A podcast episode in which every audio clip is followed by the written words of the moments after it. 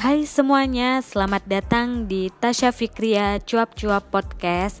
Kali ini podcastnya mengandung substansi knowledge Jadi aku ingin memberikan sedikit pengetahuan aku buat kalian.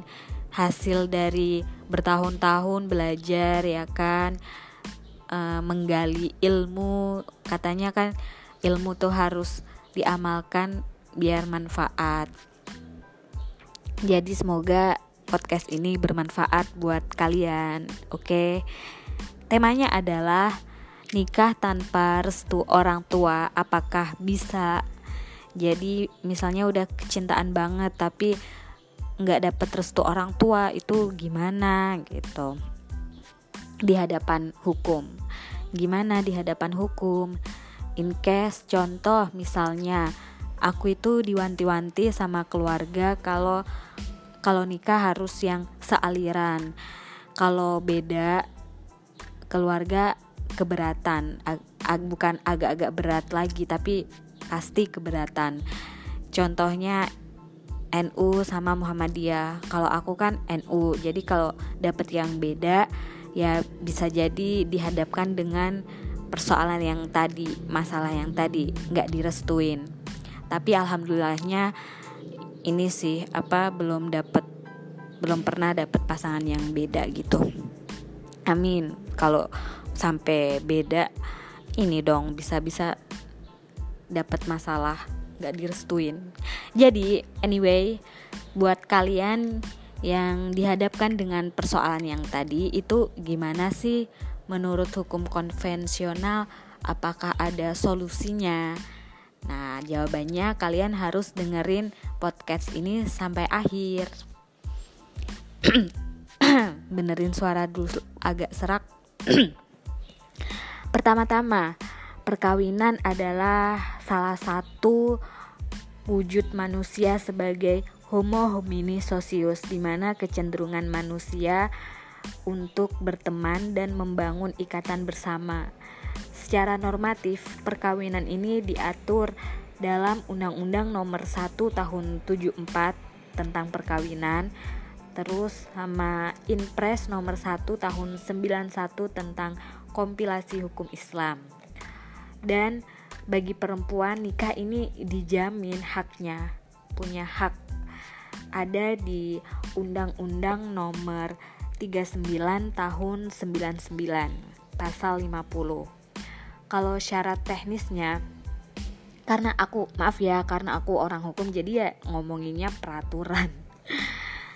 E, syarat teknisnya administrasi itu diatur di peraturan Menteri Agama nomor 19 tahun 2018 tentang perkawinan terus lalu Permenak nomor 30 tahun 2005 tentang wali hakim.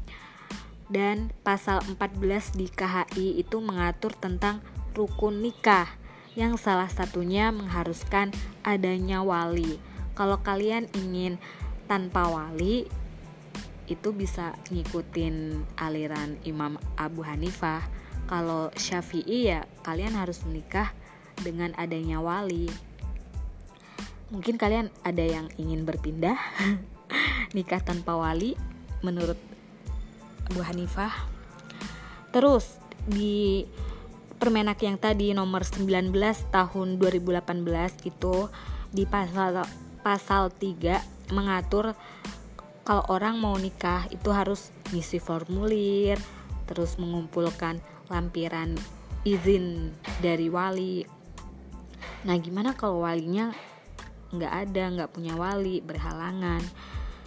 Nah, itu ada di Permenak nomor 30 tadi tahun 2005 tentang wali hakim. Di situ ada dua ayat. Ayat pertama pasal berapa lupa ya.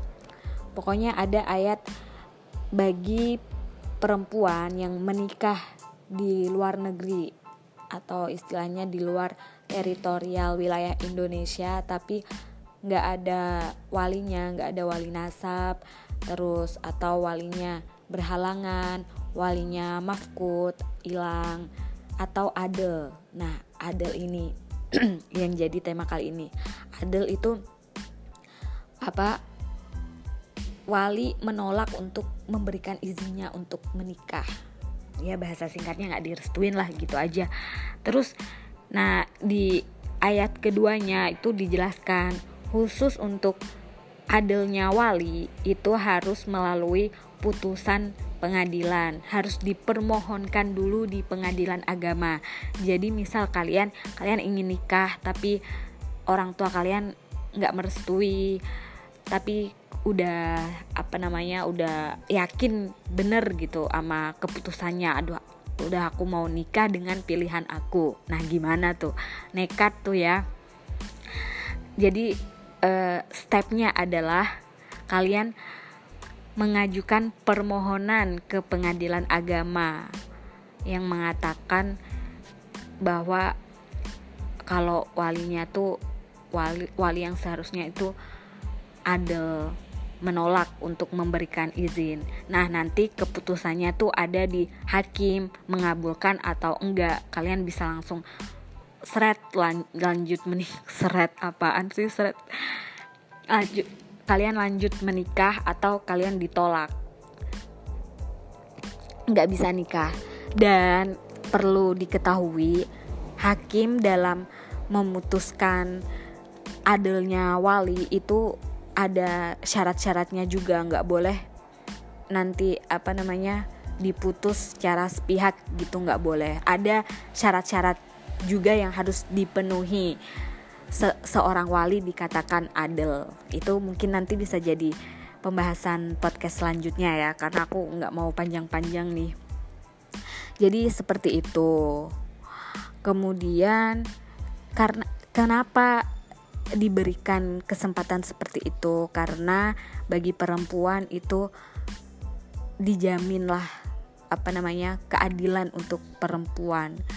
Dan selaras juga dengan undang-undang tentang pengesahan konvensi ten, mela, apa so penge, pengesahan konvensi mengenai penghapusan segala bentuk diskriminasi terhadap perempuan.